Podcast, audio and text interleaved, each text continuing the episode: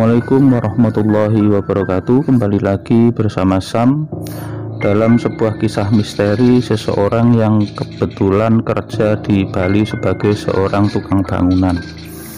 Nah, Sebut saya, sebut saja namanya Sugi.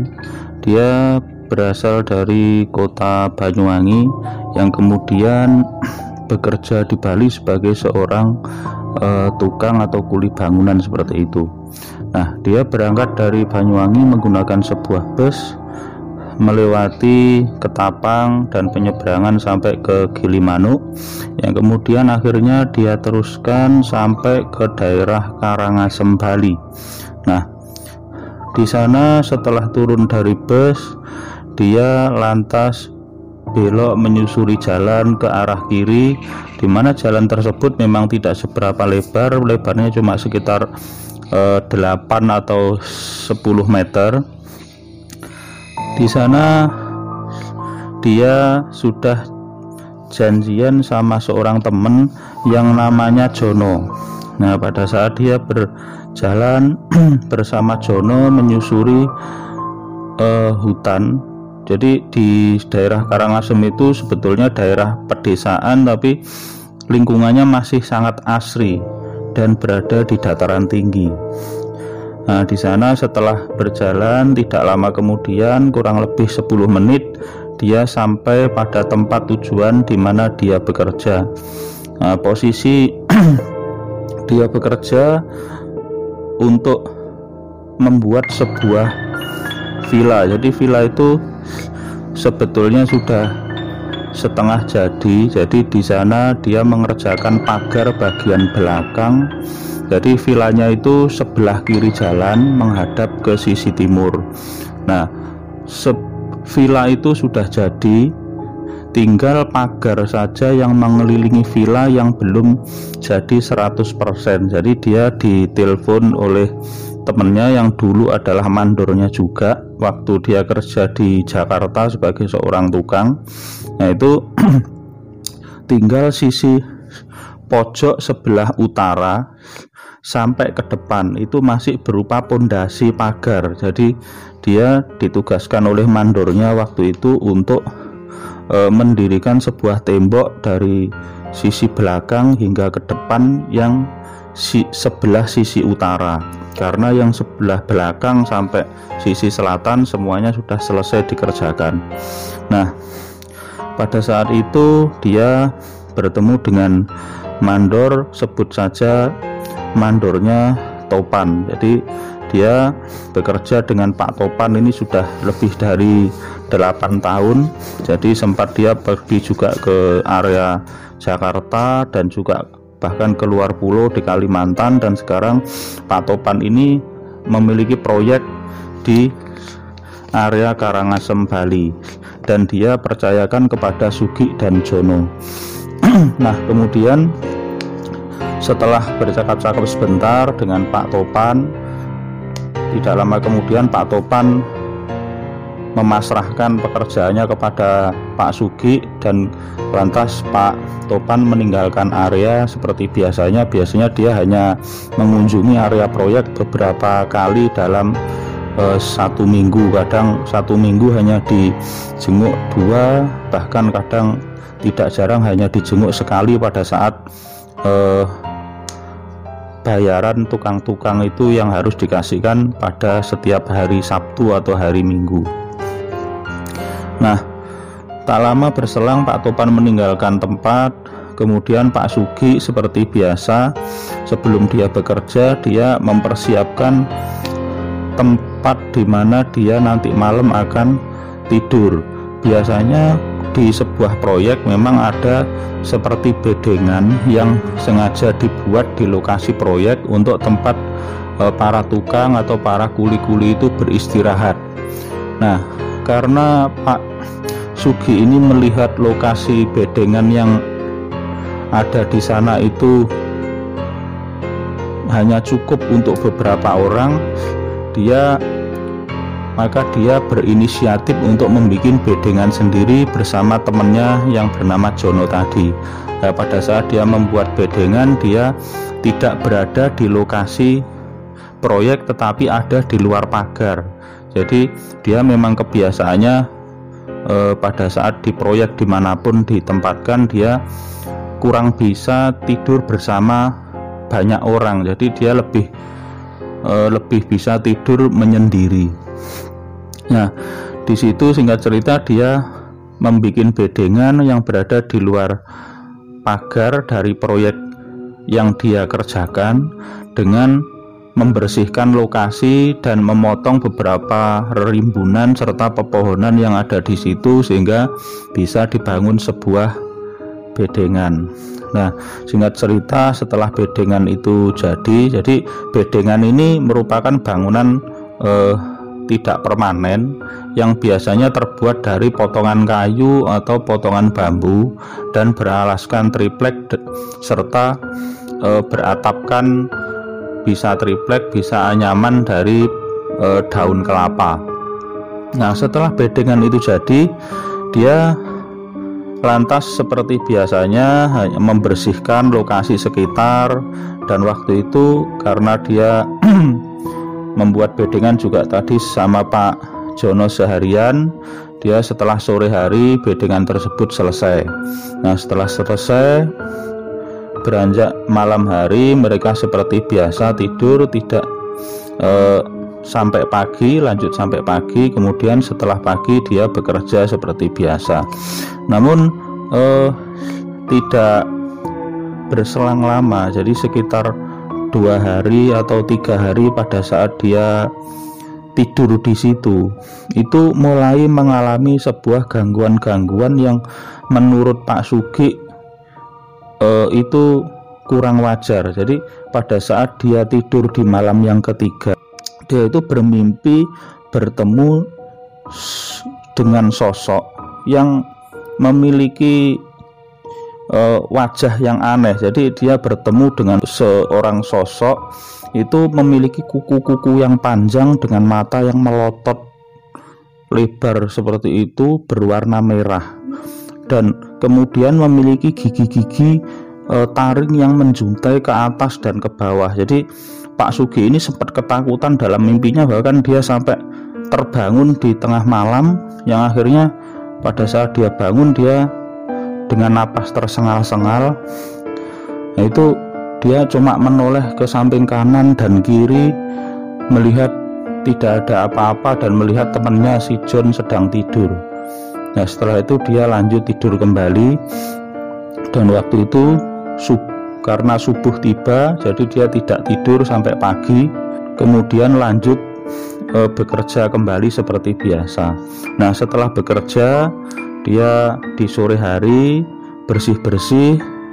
Setelah eh, azan isya dia setelah menunaikan sholat kemudian tidur jam sekitar jam 9 jam 10 karena biasanya akan bersenda guru dengan teman-teman sepekerjanya. Nah setelah jam 10 dia biasanya seperti biasanya tidur untuk ya sekedar melepas lelah setelah seharian bekerja.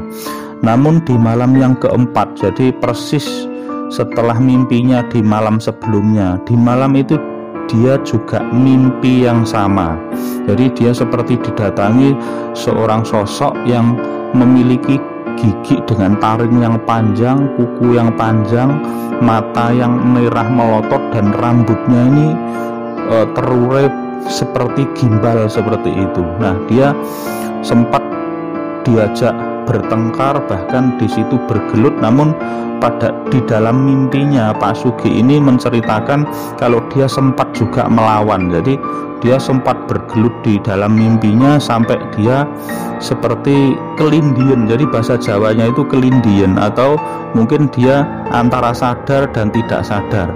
Nah di saat dia sedang seperti itu tiba-tiba dibangunkan oleh Pak John. Ki Sugi Ki kamu ini kenapa dari tadi kok cuma ah uh ah uh ah uh teriak-teriak seperti itu tidak jelas nah kemudian Sugi terjaga dari tidurnya dan dia menceritakan apa yang dialami pada saat dia tidur tadi. Jadi selama dua hari dia ceritakan kepada John kalau dia bermimpi seperti itu. Nah, kemudian di hari yang ketiga dia bekerja, setelah itu dia istirahat lagi malam, mimpi lagi yang ketiga dengan mimpi yang sama, dia didatangi oleh seorang sosok yang sama seperti malam-malam sebelumnya yang cukup mengerikan seperti itu, dia mengajak bertengkar dan bergelut lagi sama uh, Pak Sugi dalam mimpinya. Akhirnya di malam yang keempat atau tidur yang ke, yang malam yang keempat atau mimpi yang ketiga di situ sempat dibangunkan lagi oleh temannya yaitu Pak John.